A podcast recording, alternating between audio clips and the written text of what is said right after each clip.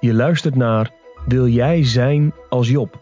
Deze podcast is een prekenserie van dominee Gert van den Brink en wordt je aangeboden door Geloofsterusting.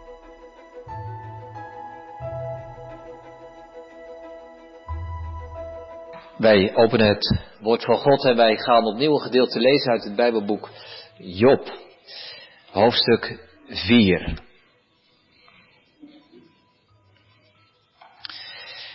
We hebben intussen, ik denk een stuk of vijf keer stilgestaan bij de eerste paar hoofdstukken uit dit Bijbelboek. Hoofdstuk 1 en 2 vertelt hoe Job alle rampen over zich heen heeft gekregen en wat hij meemaakt en hoe zijn vrienden hem opzoeken. Hoofdstuk 3 heeft verteld hoe zijn eerste uitroep, zijn klacht en zijn schreeuw naar de hemel geklonken heeft. En hier in hoofdstuk 4 gaat de eerste van de drie vrienden, Elifas,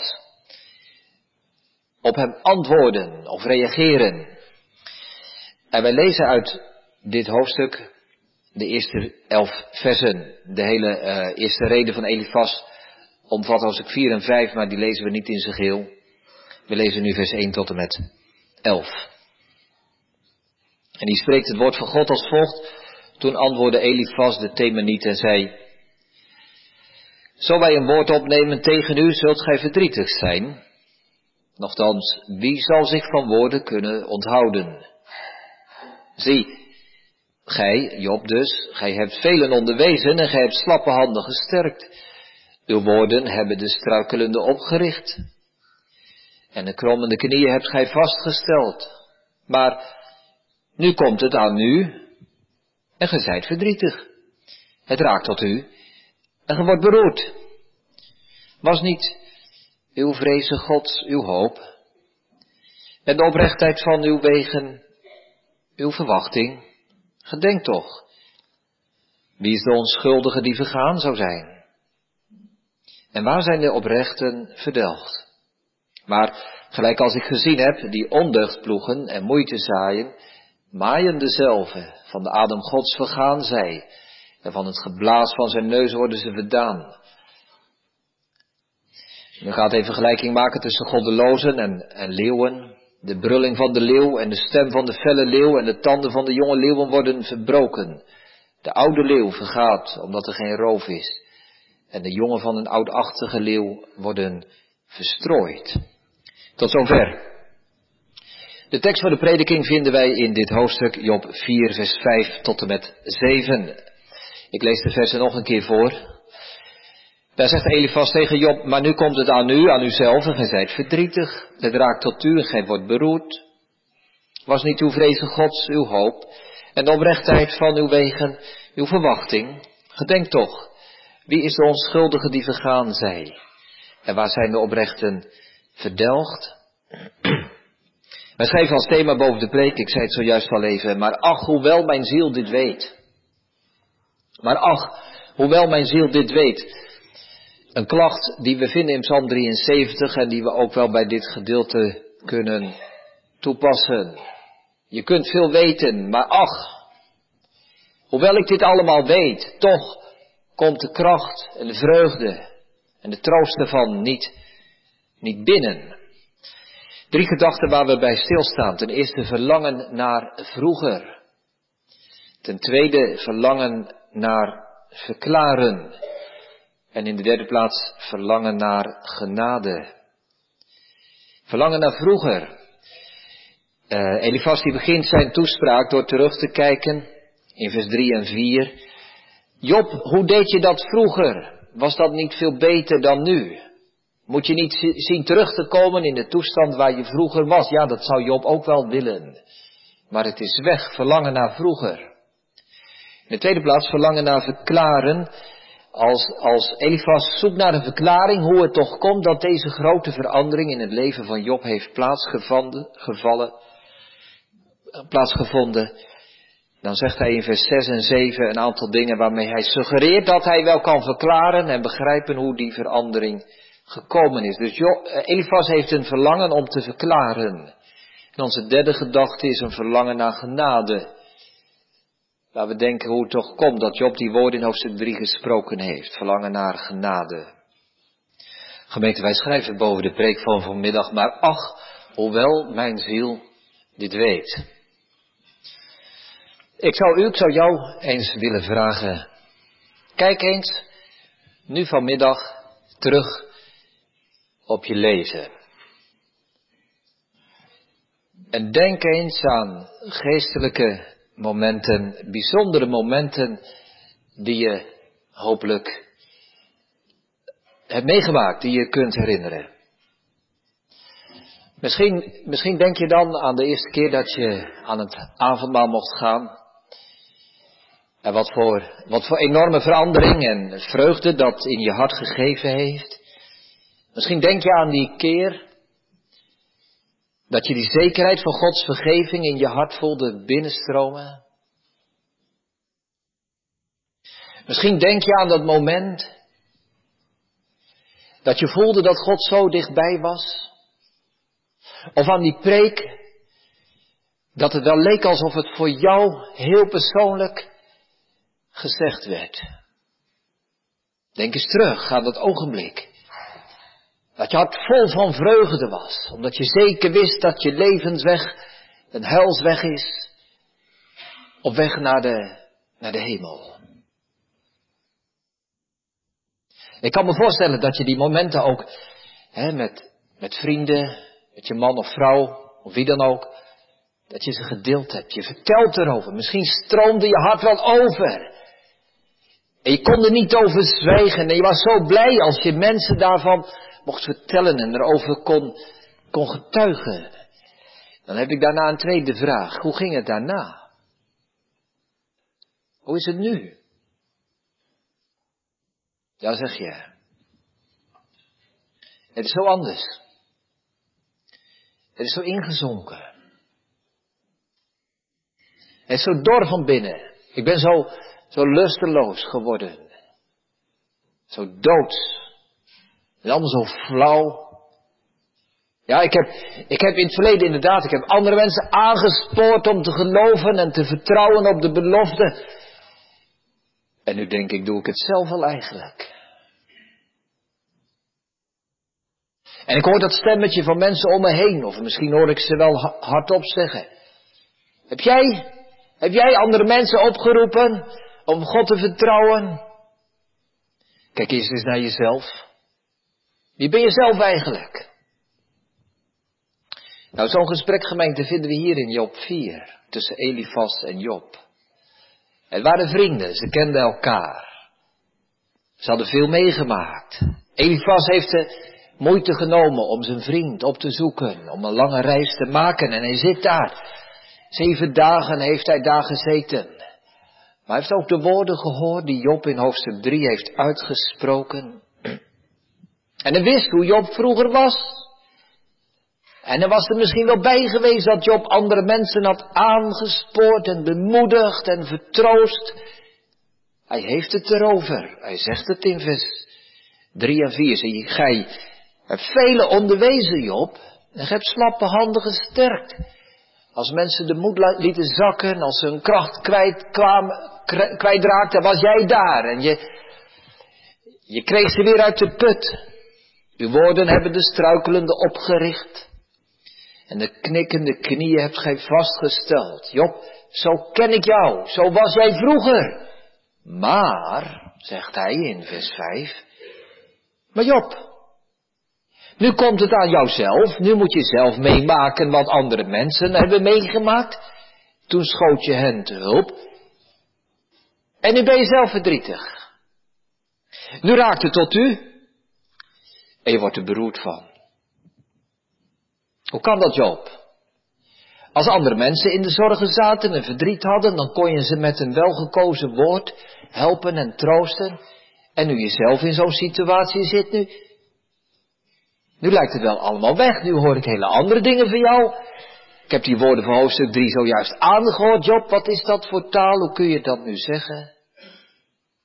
Nu je je bezittingen kwijt bent, nu ligt je zelf geestelijk helemaal overhoop, Job. Wat is het anders dan vroeger? Elifas is de eerste van de drie vriendengemeenten die spreekt en we zullen Als je dit boek verder leest, zul je bepaalde opbouw zien. Elifas spreekt, Bildad spreekt, Zofar. Job reageert tussendoor. En dan gaat het weer naar Elifas en dan Bildad en Zofar. Dus zo is dat boek opgebouwd. Hij is de eerste en persoonlijk vind ik ook wel de meest sympathieke van de drie vrienden. De meest wijze, misschien ook de oudste van de drie. En, en als je dit leest, dan proef je toch wel dat hij spreekt met een gunnend hart. Hij bedoelt het goed. Hij bedoelt het goed. Het zijn wel gekozen woorden, juiste woorden, maar op het verkeerde moment. Op het verkeerde moment. Soms is het ook wel lastig om nou precies, hè, om, om nou precies iets te vinden van die woorden van, van de drie vrienden en zeker van Elifas. Want hij zegt niet zulke rare of verkeerde dingen hoor. Helemaal niet. Hij zegt hele goede dingen. Het is zelfs zo, als je iets verder kijkt naar hoofdstuk 5, vers 13, dan zegt Elifas iets wat in stemmen door Paulus wordt aangehaald. God vangt de wijzen in hun arglistigheid, staat er in Job 5, vers 13. En Paulus die haalt dat aan in de Korinthebrief. 1 Korinthe 3 vers 19. Instemmend. Dus hè, het zit niet fout op het niveau van de woorden, maar de woorden en de plaats, dat botst.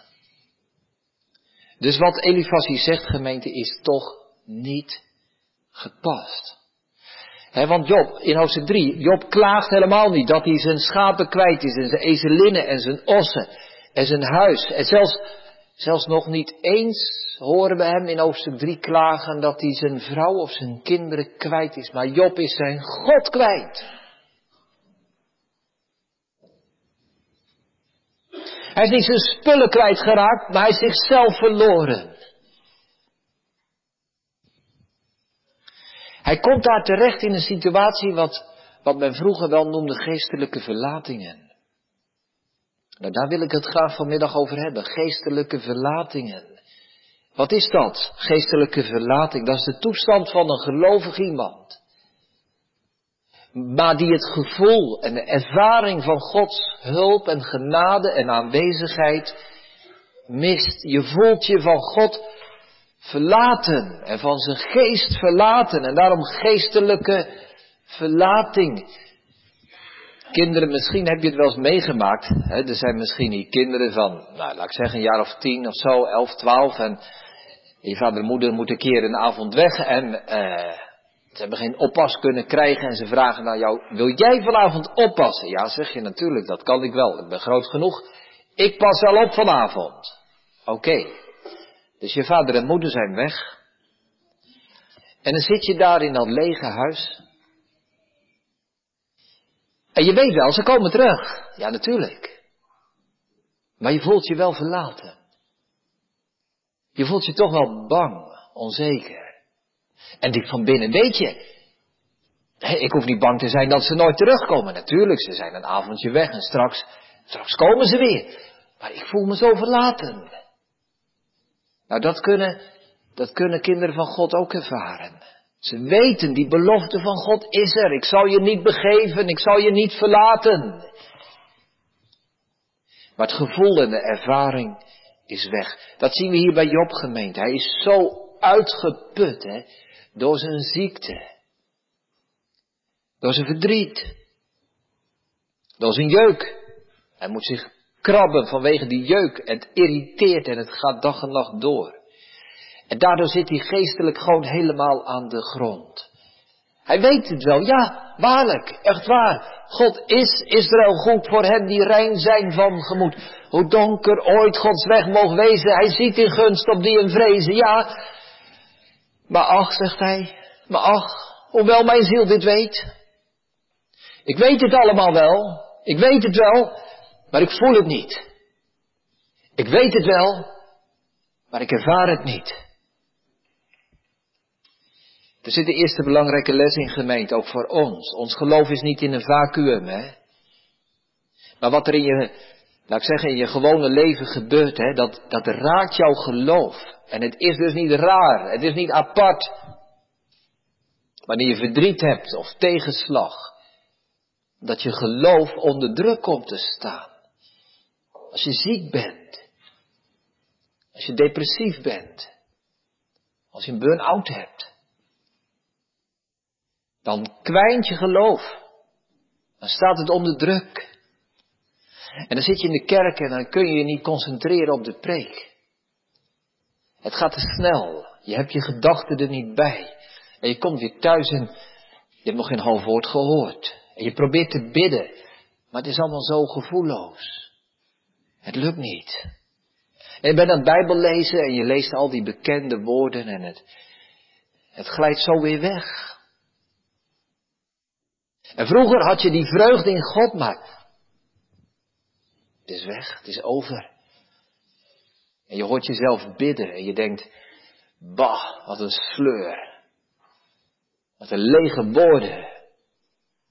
Het is allemaal, het is allemaal zo, ja, ik weet het allemaal wel, wat er in de Bijbel staat, maar ik, ik voel het niet. En ik kan wel bidden, maar het is, het is van koper. Dan ga ik nog een stap verder gemeente. Het kan ook gebeuren, het kan ook gebeuren dat je leven, hè, het loopt allemaal wel en er zijn geen bijzonderheden en je hebt een goede baan en eh, thuis gaat het allemaal wel. Er zijn geen grote zorgen, maar, maar ook dan kun je je geestelijk verlaten voelen. Waarom? Waarom is het weg, denk je? Vroeger was ik er zo vol van. Maar ik voel me geestelijk tegenwoordig zo leeg. En ik heb die ervaring niet meer. Ik ben zo door. Waarom heeft God mij verlaten? Ik zoek zijn aangezicht. Maar ik vind hem niet. Vroeger kon ik het zingen. Ik lag en sliep gerust van zere trouw bewust, tot ik verfrist ontwaakte, want God was aan mijn zij. Maar denk je, dat is al lang geleden dat ik dat gezongen heb. En als ik het zong, voelde ik, voelde ik weer niks. En dan kun je, onze eerste gedachte, dan kun je verlangen naar vroeger. Naar vroeger. Toen had ik dat wel. En je hoort de woorden van Elifas. Nu komt het aan nu en je zijt verdrietig, nu raakt het tot u en je wordt beroerd. Zou het wel echt zijn geweest vroeger? Of was het allemaal maar inbeelding? Was het niet even overdreven wat ik vroeger allemaal heb gezegd en gedacht? Heb ik mezelf niet voorbij gepraat met mijn grote woorden die ik had?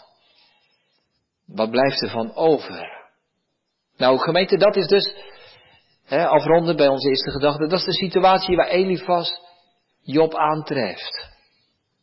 Een man die vroeger geestelijke vreugde heeft gekend, maar het allemaal kwijt is geraakt. En hij treft iemand die met, ja, die met, met verlangen, maar misschien ook wel met teleurstelling en misschien ook wel met bitterheid terugkijkt naar vroeger. Hoe hij toen God geprezen heeft. Hoe kon de stem en snaren feest hield met Gods blijde scharen. Ik heb u voorwaar in het heiligdom voorheen beschouwd met vrolijk ogen. Hoe zag ik daar uw alvermogen? Maar het is voorbij. Het was vroeger. Wat gaan we zeggen, gemeente? Tegen onszelf. En wat gaan we zeggen tegen andere mensen om ons heen? Die te kampen hebben met geestelijke verlatenheid, dorheid, duisternis. We gaan naar onze tweede gedachte. Verlangen naar verklaren. Elifas wil begrijpen. Elifas wil begrijpen. Onze eerste gedachte, verlangen naar vroeger, dat geldt voor Job. Onze tweede gedachte, geldt voor Elifas. Hij verlangt naar een verklaring. Ik wil dit doorgronden, zegt hij. Hij stelt dus ook zijn vragen. Job, wat gebeurt hier? En hij komt zelf met twee verklaringen. Twee verklaringen. Eerst heeft hij in vers 5 wat gezegd over het verschil van vroeger en nu. En dan gaat hij in vers 6 en vers 7 twee verklaringen geven. Vers 6 was niet uw vrezen Gods uw hoop en de oprechtheid van uw wegen uw verwachting. Hij zegt dus, vroeger vreesde je God en dat gaf jou hoop. Vroeger was je oprecht in je wegen en daarom had je verwachting. En het tweede wat hij zegt in vers 7, Gedenk toch, zegt hij, wie is de onschuldige die vergaan zou zijn en waar zijn de oprechten verdelgd? Heb je het ooit meegemaakt, Job, zegt hij, dat iemand die onschuldig is, toch vergaat? Heb je het ooit meegemaakt dat iemand die oprecht is door God verdelgd wordt, afgewezen? Mooie belofte. We gaan over die verklaringen nadenken, gemeente. Twee verklaringen die hij geeft. Het valt mij trouwens op dat het geestelijke verklaringen zijn. hij zoekt het meteen op het niveau van het geestelijke. Elifas is wel een beetje snel, te snel. Want er is veel meer dan het geestelijke alleen. Elifas zie je dan niet dat Job totaal ontwricht is. Dat deze man getraumatiseerd is, zouden wij zeggen. Dat hij depressief is. Kijk daar eens naar, Job, voordat je met je geestelijke verhaal, Elifas, voor je met je geestelijke verhaal begint. Nou, die twee, twee verklaringen die jij geeft. De eerste verklaring is dus deze. Was niet uw vrezen Gods, uw hoop en oprechtheid van uw wegen, uw verwachting. Zo was het vroeger, Job. Nu is het veranderd. Nou, ja, Job, God verandert niet. Dus jij bent veranderd. God is dezelfde, maar er is bij jou iets onderweg fout gegaan. Dus het moet wel aan jou liggen, het ligt nooit aan God. God is onveranderlijk. God zegt als je hem vreest, dan heb je hoop. Als je oprecht in je wegen bent, dan heb je verwachting. Als jij nu je hoop kwijt bent en je verwachting kwijt bent, nou blijkbaar is jouw vrezen Gods dan ook verdwenen en is jouw oprechtheid weg. Job, het ligt aan jouzelf. Job, het is jouw schuld. De eerste verklaring die Elifas geeft. Hij verpakt het in een vraag, maar het komt wel hard aan. En heeft hij er nog een bij gemeend in vers 7, een belofte. Hij zegt, Job, ik kan me zo voorstellen gemeente, die gunnende man, hè, Elifas. En denkt, ik ga naar Job toe en ik heb een belofte. Job, luister eens. God laat nooit oprechte mensen in de steek. Nooit. Nooit. Een belofte, prachtig. Maar het wordt een veroordeling. Want eigenlijk bedoelt hij, ja, God laat oprechte mensen nooit meer in de steek. Job, als ik jou nu zo recht naar de afgrond zie gaan, dan ben jij dus niet oprecht. Hij gebruikt de belofte van God en keert hem om in zijn tegendeel en maakt er een veroordeling van. Die eerste verklaring gemeente, gaan wij dat ook wel eens doen? Nou, gelukkig, gelukkig doen we dat niet zo snel, toch? Als je iemand in de ellende en de zorgen ziet, als iemand zwaar depressief is, zeg je dan, nou, dat is, uh, dat is allemaal je eigen schuld hoor, er zal vast wel iets ergs in jouw leven zijn gebeurd. Nou, je moet wel keihard zijn als je zo mensen in hun verdriet tegemoet treedt. Gelukkig doen wij dat niet zomaar. Al zeg ik er dit bij, gemeente, dat ieder van ons persoonlijk misschien wel een situatie kent. Dat je zegt, eigenlijk weet ik wel waarom het geestelijk zo afgevlakt is. Omdat ik te makkelijk ben, omdat ik mijn zonden toelaat. Daar kan ik bijvoorbeeld niet voor iedereen van ons uitsluiten. Wees eerlijk naar jezelf, misschien, misschien is dat zo. Maar voor anderen zullen we dat hopelijk niet te snel zeggen. Die tweede verklaring, gemeente, die, die vraagt toch wel even onze aandacht. De belofte. Gedenk toch Job. Is er ooit een onschuldige vergaan? Nee toch? Zijn oprechte mensen ooit door God verdelgd? Nee toch? Prachtige belofte. Maar nu naar onszelf gemeente. Stel dat je iemand tegenkomt die zegt, ik kan niet meer geloven. Ik ben het kwijt. Het lukt mij niet meer. Het is zo ingezonken. Ik kan er niet meer bij. Ik denk dat wij allemaal, hè, ik zelf ook en misschien broeders wij in huis bezoeken ook wel de neiging hebben om dan toch te gaan reageren en te zeggen, ja maar je moet geloven. Moet geloven. Misschien dat onze evangelische broeders en zusters eerder zullen zeggen, ja, maar dan ben je demonisch belast. Je hebt uh, bevrijdingspastoraat nodig. Daar komt het van. Maar reformatorische mensen zeggen, nou ja, het is gebrek aan geloof. Het is ongeloof. Kijk nou eens naar al die prachtige beloften van God in de Bijbel. Je hoeft ze alleen maar te geloven. Ja, ja, en als je dat niet doet, ja, dan. We lijken opeens toch wel op Elifas. We pakken de belofte van God en we zeggen tegen iemand in nood: Geloof ze. En als je het niet doet, ja, dat is toch je eigen schuld, hè? Ongeloof. Ongeloof. Misschien dat wij hier wat voorzichtiger moeten zijn, gemeente, en niet willen verklaren. Niet willen verklaren. Misschien moeten we wat sneller stoppen om een oorzaak of een reden of een aanleiding te zoeken. Waarom zijn mensen soms in geestelijke verlatenheid? Ik heb gezegd, soms kun je het al direct zien aan de omstandigheden. Als mensen door een moeilijke periode gaan, lichamelijk veel te lijden hebben, psychisch veel te lijden hebben, dan kijken we er toch niet raar van op als ook het geestelijke daaronder onder lijdt, onder gebukt gaat. Maar soms als dat niet zo is en het voor de wind lijkt te gaan, moeten wij zoeken naar een verklaring. Volgens mij hoeft dat helemaal niet. God gaat soms een weg met ons, met andere mensen van geestelijke verlatenheid. En dat wij niet weten waarom. Waarom was het vroeger zo voor rijken?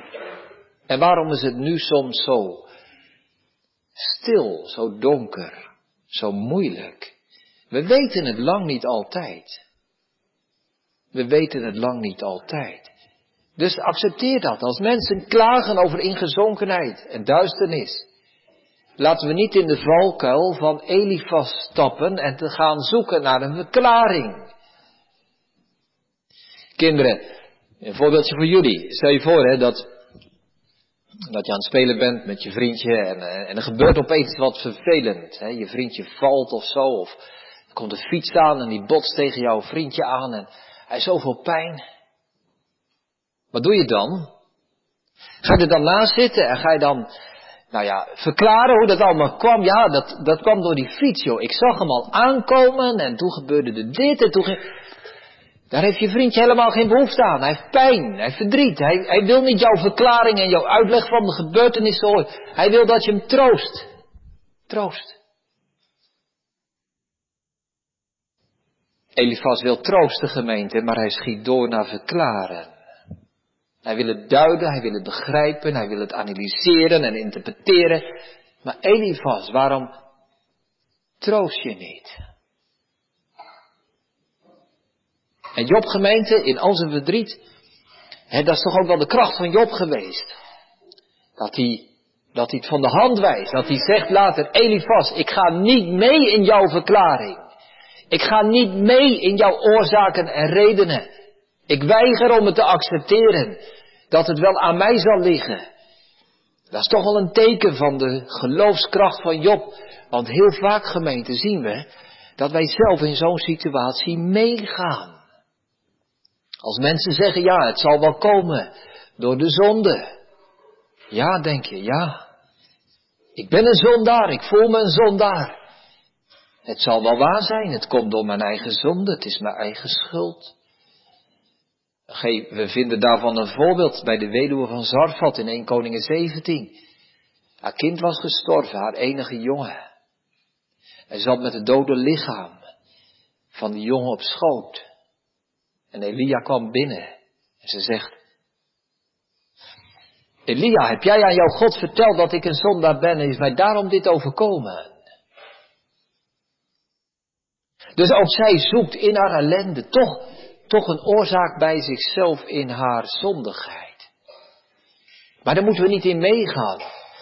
Soms en vaak weten wij het niet waarom God deze weg met ons gaat. En laten we stoppen met verklaren en analyseren en redenen en oorzaken aan te voeren. Maar erbij gaan zitten en vertroosten. We gaan naar onze derde gedachte. Verlangen naar genade. Gemeente, want Elifas, met al zijn goede bedoelingen, daar gaan we dan toch maar vanuit. En in zijn verlangen om te troosten ziet één ding bij Job over het hoofd. Eén ding ziet hij niet, helaas. Wat niet? Als je hoofdstuk 3 doorleest, we hebben een aantal weken geleden bij vers 25 stilgestaan, maar als je dat hoofdstuk doorleest, dan klinkt toch op de bodem van deze klacht een verlangen naar genade. Dat is dus onze derde gedachte. Verlangen naar vroeger hebben we gezien, de eerste gedachte. Verlangen om te verklaren, onze tweede gedachte. En nu verlangen naar genade. Job verlangt naar genade. Job verlangt naar God. Als een hert schreeuwt naar de waterstromen, alzo schreeuwt mijn ziel tot u, o God. Hij verlangt naar genade in, in zijn grote klacht, in zijn diepste nood. Niet dat hij zijn huis kwijt is, zijn vee, zijn bezit, zijn gezondheid. Maar God, waar is God? Waar is God, roept Job uit in hoofdstuk 3. Ik verlang naar God, ik verlang naar zijn ervaring, naar zijn aanwezigheid, ik verlang het om te ervaren. Ik verlang naar genade. Dat had Elifaz er niet in gehoord. En toch gemeente is dat heel belangrijk. Er zijn mensen die God kwijt zijn, die zonder God leven, maar God niet missen. Die mensen zijn er heel veel in deze wereld. Zonder God in de wereld, Efeze 2. Maar ze missen hem niet. Ze kunnen wel zonder.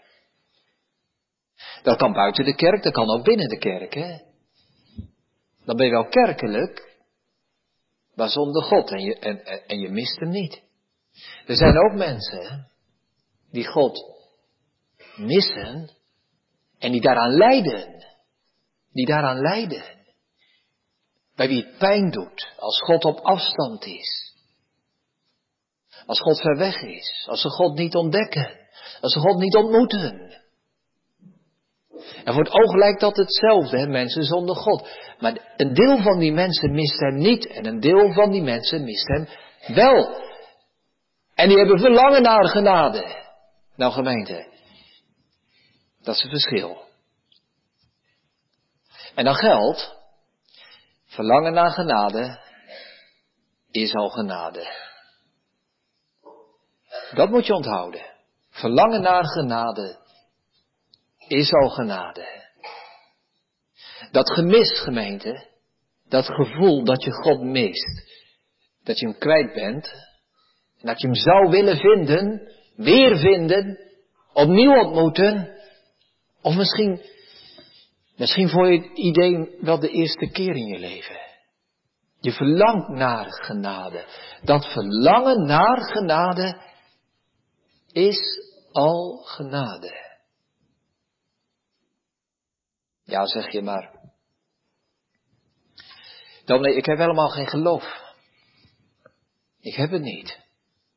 Ik mis het. Ik vind het verschrikkelijk om te zeggen. Ik schaam me er eigenlijk voor dat ik dat in een kerk moet zeggen.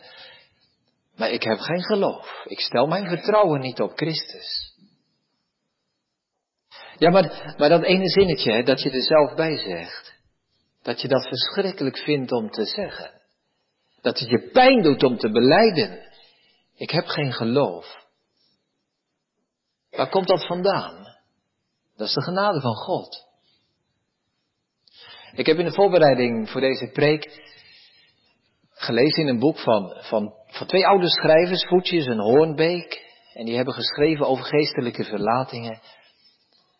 En Hoornbeek die zegt op een gegeven moment, als hij verwijst naar die tekst uit Marcus 9, waar die waar die vader van die maanzieke knaap is. En dan zegt hij, ik geloof, veren, kom mijn ongelovigheid te hulp. Ik denk dat we allemaal die tekst wel kennen. En dan zegt Hoornbeek, als je nu mag zeggen, geldt voor ons allemaal van, vanmiddag. Als je nu mag zeggen, Heer, kom mijn ongeloof te hulp.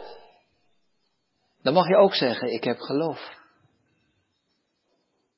heb je toch geloof.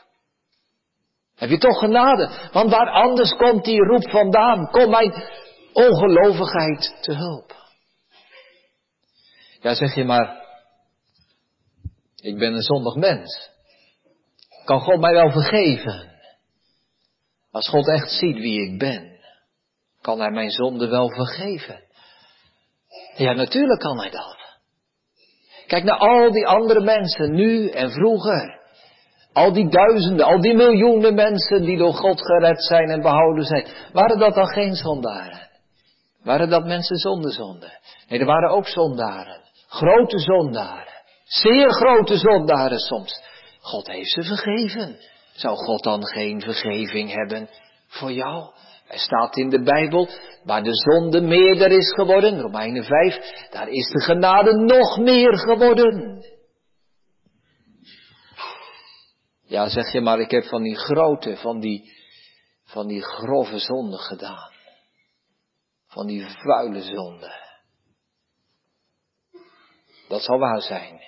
Ik zal het niet ontkennen. Het is niet nodig om jouw zonde te kleineren. Maar Gods genade is veel groter. Gods genade is veel groter. Hoornbeek schrijft, ik noem het maar, ik geef het maar door. En zegt, jouw zonde, hoe groot ze ook zijn, zijn een vonkje in de zee. Zou dat ene vonkje die zee laten verdampen en opdrogen? Nee, natuurlijk niet. Dat vonkje verdwijnt in de oceaan van Gods liefde. Jouw zonden kunnen jou niet bij God vandaan houden. Ja, maar ik ben zo dubbelhartig. Ik ben zo oneerlijk. Soms meen ik het wel, denk ik. Maar soms ook niet. Ik vind mezelf iemand met misschien wel hè, een, een fraaie buitenkant. Maar die binnenkant van mij. Ik zit hier wel vanmiddag vroom in de kerk. Maar ik zou me schamen als de mensen wisten wat er van binnen in mij omgaat. Nou, dan heb ik een vraag. Wil je zo blijven of wil je daarvan worden verlost? Leid je aan jouw dubbelhartigheid? Aan je geveinsdheid? Er is geen duidelijker bewijs van oprechtheid dan een afkeer van geveinsdheid. Als je er afkeer van hebt, ben je daarin toch oprecht. Ja, maar ik, ik vraag me af of ik God wel lief heb. Die vraag kan ook bovenkomen bij mensen die geestelijke verlatingen ondervinden. Heb ik God wel lief? Kan dat wel, met zo'n koud en ongevoelig hart als dat ik heb? Ik ben zo liefdeloos. Ja, maar als er nou geen liefde is tot God, wat is er dan? Dan haat je God.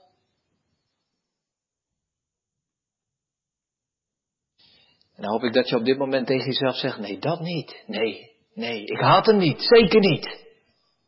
Dat zou verschrikkelijk zijn als ik God zou haten. Nou, die schrik, waar komt dat vandaan? Uit liefde voor God. Het is er wel, toch wel, diep van binnen. Ja, maar ik kan niet stoppen met zondigen. Ik kan er niet mee stoppen, het gaat maar door, telkens weer, onophoudelijk, en soms dezelfde taaie, hardnekkige zonde. Nog een keer uit dat boek dat ik noemde, Hoornbeek, en hij zelf verwijst weer naar de kerkvader Hieronymus, die gezegd heeft, ik ben niet gestopt met zondigen, maar ik ben begonnen om te willen stoppen met zondigen. Ik ben niet gestopt met zondigen, maar ik ben wel begonnen om te willen stoppen met zondigen. Nou, dat is de vraag aan ons. Zou je, zou je willen geloven? Zou je willen geloven? Zou je God willen liefhebben? Zou je vergeving willen hebben? Zou je oprecht willen zijn? Zou je willen stoppen met zondigen? Zou je eerlijk willen zijn? Nou gemeente, dan is God zo groot in zijn genade en zo ruim, dat hij dat willen accepteert alsof het al die daad zelf is. Willen is voor God genoeg. Willen is genoeg. Wij kunnen zoveel niet.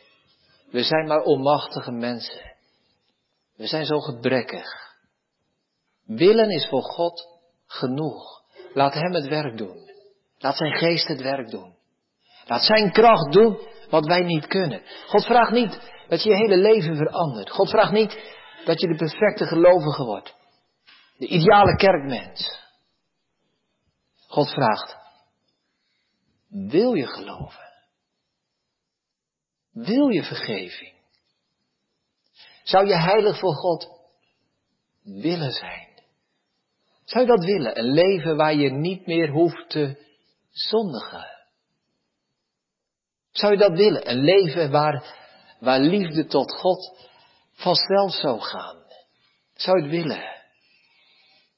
Is voor God genoeg. Verlangen naar genade, weer dat zinnetje gemeend. Verlangen naar genade is al genade. En dat verlangen naar genade komt alleen maar voor in mensen die al door God vernieuwd zijn. Door mensen die Hij uitverkoren heeft. Door mensen die Hij van eeuwigheid vasthoudt. Alleen maar in mensen die Hij tot in alle eeuwigheid vasthoudt. Geestelijke verlatingen. Een besef van Gods afwezigheid is een teken van zijn aanwezigheid. Als je God mist, als je verlangt naar zijn aanwezigheid, is God al bij je. Voordat wij hem gingen zoeken, zocht hij ons. Daar begint het mee. En zo gemeente gaan we nog een keer terug hè, naar die belofte van Elifas in vers 7. Gedenk toch, zegt hij. Job, let erop. Een mooie belofte. Wie is de onschuldige die vergaan zou zijn. En waar zijn de oprechten verdelgd? Een belofte gemeente die wij toch, toch als een belofte mogen lezen en mogen ontvangen. Als dat verlangen in jouw hart is, als je zou willen geloven, willen liefhebben, willen vertrouwen, willen leven voor Gods aangezicht, dan is dat oprechtheid in jouw hart die God zelf daarin gelegd heeft. En dan belooft God het. Waar zijn die oprechten verdelgd? Wijst er één aan die oprecht verlangd heeft naar de genade van God en verloren is gegaan. Ze bestaan niet. Ze zijn er niet. Nooit geweest en ze zullen er ook nooit zijn, gemeente. Nooit. Waar zijn de oprechten verdelgd? Wanneer is het ooit gebeurd dat zo iemand toch uit die hand van God gevallen is? Ze zijn er niet. Een belofte. Een belofte voor mensen, ook onder ons. Die misschien te maken hebben met geestelijke verlatenheid. Met geestelijke dorheid. Ingezonkenheid. Mensen die verlangen naar genade. Waarom laat God dat in jouw leven toe? Waarom laat hij dat gebeuren? Ik weet het niet. Ik weet het niet. En zelf weet je het misschien ook helemaal niet. Waarom moet mij dit overkomen? Waarom is het zo donker in mijn leven? Ik weet het niet, gemeente, maar dit weet ik wel. Dat in deze situatie en in die geestelijke verlatenheid er een moment komt dat er een einde aankomt. Net als dat kind dat thuis aan het oppassen is. Er komt een moment dat papa en mama weer thuiskomen. Er komt een moment dat God terugkeert. Er komt een moment dat het voorbij zal zijn. Die verlatenheid, die leegte, die dorheid, die duisternis. Er komt een moment dat God alles met zichzelf zal vervullen. Want nooit is het gebeurd dat iemand die hem oprecht zoekt, dat iemand die verlangt naar genade, geen genade krijgen zou. Dit is de belofte van God, die Hij nu aan u en aan jou meegeeft. Hij houdt jou vast. Hij zal niet laten varen het werk dat zijn hand begon. Hij die dat goede in uw leven begonnen is, zal het ook voleindigen. Tot op de dag van Jezus Christus. Amen.